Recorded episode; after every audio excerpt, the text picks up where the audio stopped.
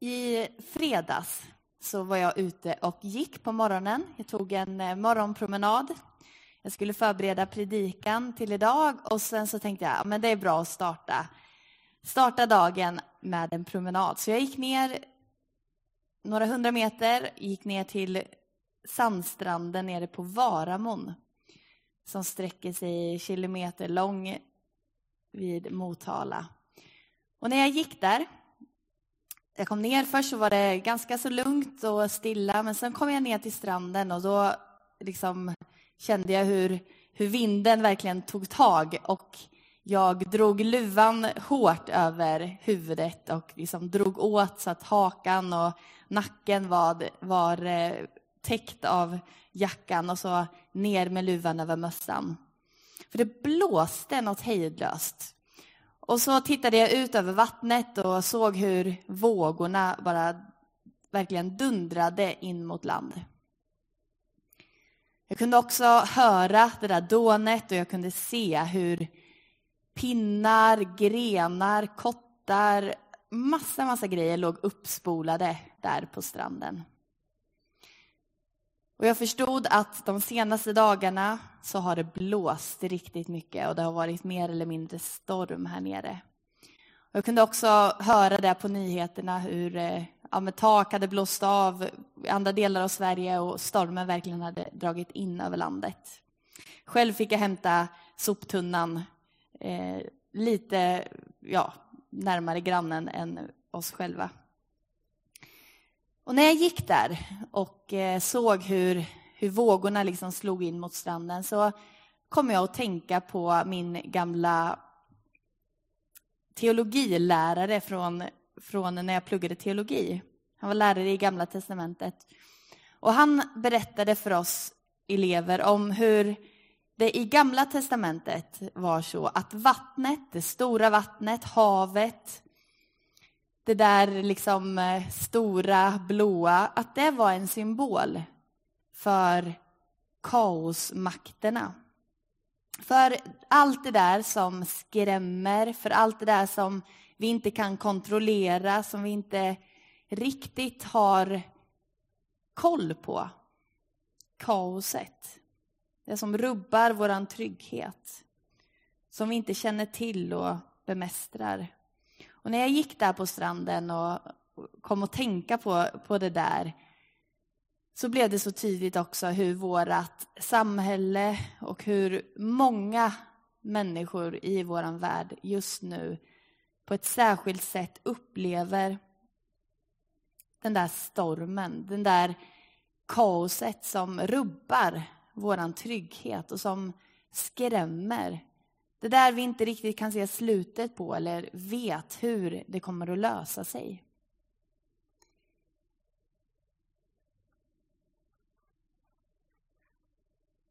Och idag i min predikan så skulle jag vilja lyfta fram några bibelversar ifrån en älskad psalm i Bibeln. Där Gud talar om hur han är närvarande mitt i den där stormen, mitt i krisen. I det vi inte kontrollerar eller bemästrar. Och jag vill läsa ifrån psalm 46. Där står det så här. Gud är vår tillflykt och vår styrka. En hjälp i nöden som aldrig svikit. Därför räds vi inte om än jorden skälver och bergen störtar i havens djup. Om än vattnen brusar och skummar och bergen darrar vid havets uppror.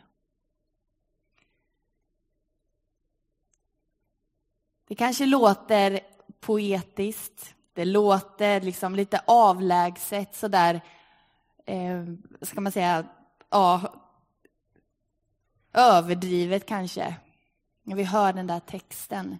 Men jag tänker att det där är en beskrivning av livet i sin absoluta kris.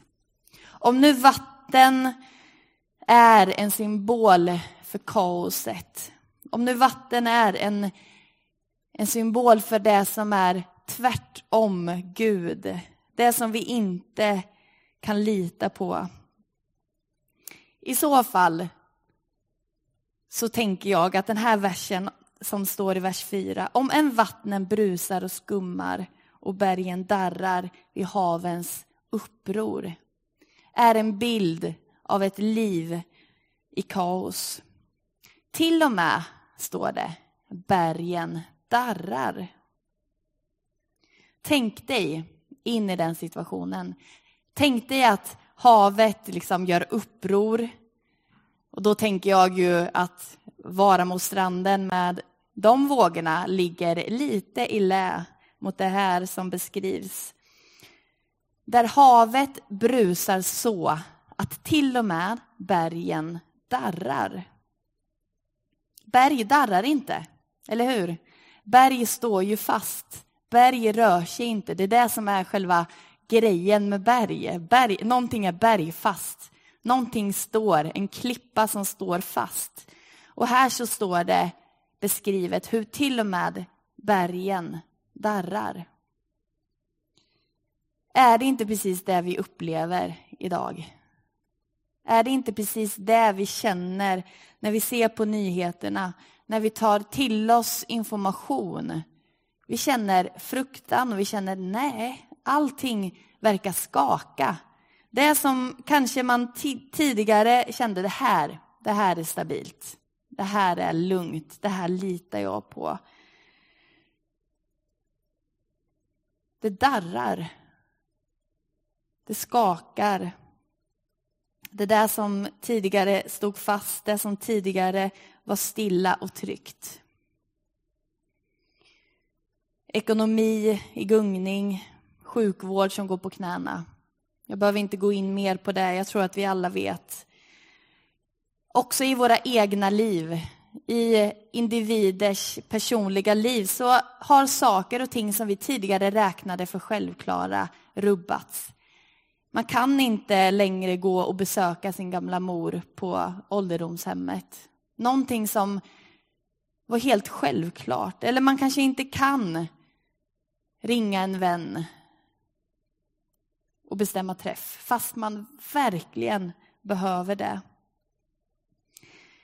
Det skakar och det är osäkert på många håll, även i våra egna liv.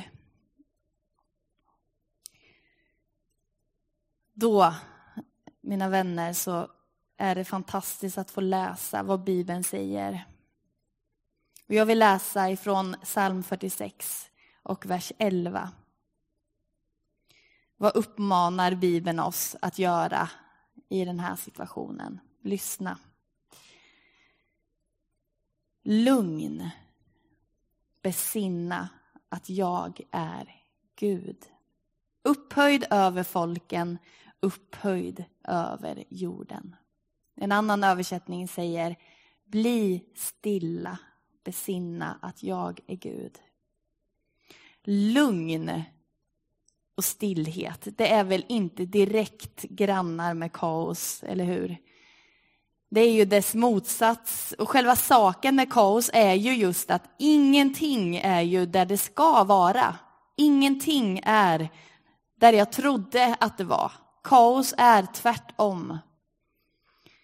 Vi kan inte kontrollera, vi kan inte veta, vi kan inte se dess ände. Men i detta, mitt i den här situationen, när bergen darrar, när havet gör uppror, när mörkret tränger in på olika sätt, så säger Gud lugn. Besinna att jag är Gud. Jag tror inte att det betyder samma sak som att Gud tar bort kaoset först, stillar alla stormar eller låter stormen dra förbi snabbt och vi blir lugna. Nej, jag tror faktiskt inte det. Jag tror att den här texten och Bibeln i sin helhet på många, många ställen beskriver hur Gud går in i kaoset, tar del av våra liv, blir delaktig i våra egna känslor, säger var lugn. Jag är Gud. Jag är med. Jag har kontroll. Även om du inte har det, även om allting känns mörkt och kallt så är jag här. Var lugn. Ordet besinna, inte kanske ordet jag använder oftast i vardagligt tal, men jag gillar ordet besinna. Att med alla mina sinnen ta in Herren är Gud. Och så läser vi i den tolfte versen. Herren Sebaot är med oss. Jakobs Gud är vår borg. Varför kan vi vara lugna? Jo, därför att Gud är med.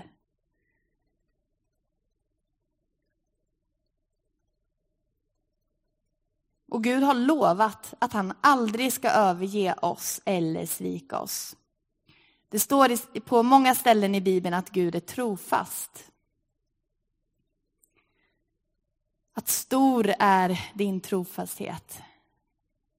Vi sjunger det också i många sånger. Det är en, en slags eh, grund i den kristna tron, att Gud är trofast. Vi kan se det, vi kan läsa om det i Bibeln genom tider. Genom alla tider så har Gud varit trofast. Det har inte betytt att Gud alltid har jämnat marken och, vi, och på det sättet tagit bort alla problem. Men han har alltid varit med, han har alltid funnits där. Och många gånger så när jag upplever kaos, när jag upplever problem, då kan jag känna att det här är ju ett tecken på att Gud har lämnat mig. Den där frågan kommer på något sätt så nära då. Gud, vart är du? Har du lämnat mig? Har du övergett mig i det här? Har du lämnat mig själv? Nej, Gud har inte lämnat dig. Problem och kaos är inte ett tecken på Guds frånvaro. Han är med, han är alldeles, alldeles nära dig. Och det här får vi tro på. Det är någonting som inte syns, någonting som vi inte kan som ta på. I Bibeln så står det att det osynliga är evigt, men det synliga är förgängligt. Alltså, att det som är osynligt är egentligen det mest fasta, det mest eviga, det jag faktiskt kan hålla tag i. Men det svåra är ju att det syns ju inte. Gud syns ju inte. Och många gånger så är han väldigt, väldigt osynlig. Men han är inte overklig. Han är nära dig, han är med dig. Jag skulle vilja ge dig den här uppmuntran idag. Att våga och be till Gud. Du som kanske aldrig gör det. Du som kanske tänker det är för dem som tror. Men grejen är att Gud är så nära dig. Gud hör varenda suck och varenda tanke som du, som du ger till honom. Och han är inte sen att gensvara. Att tro är att vända sig till Gud. Och att vända sig till Gud kan jag göra även innan jag känner att jag har så mycket tro.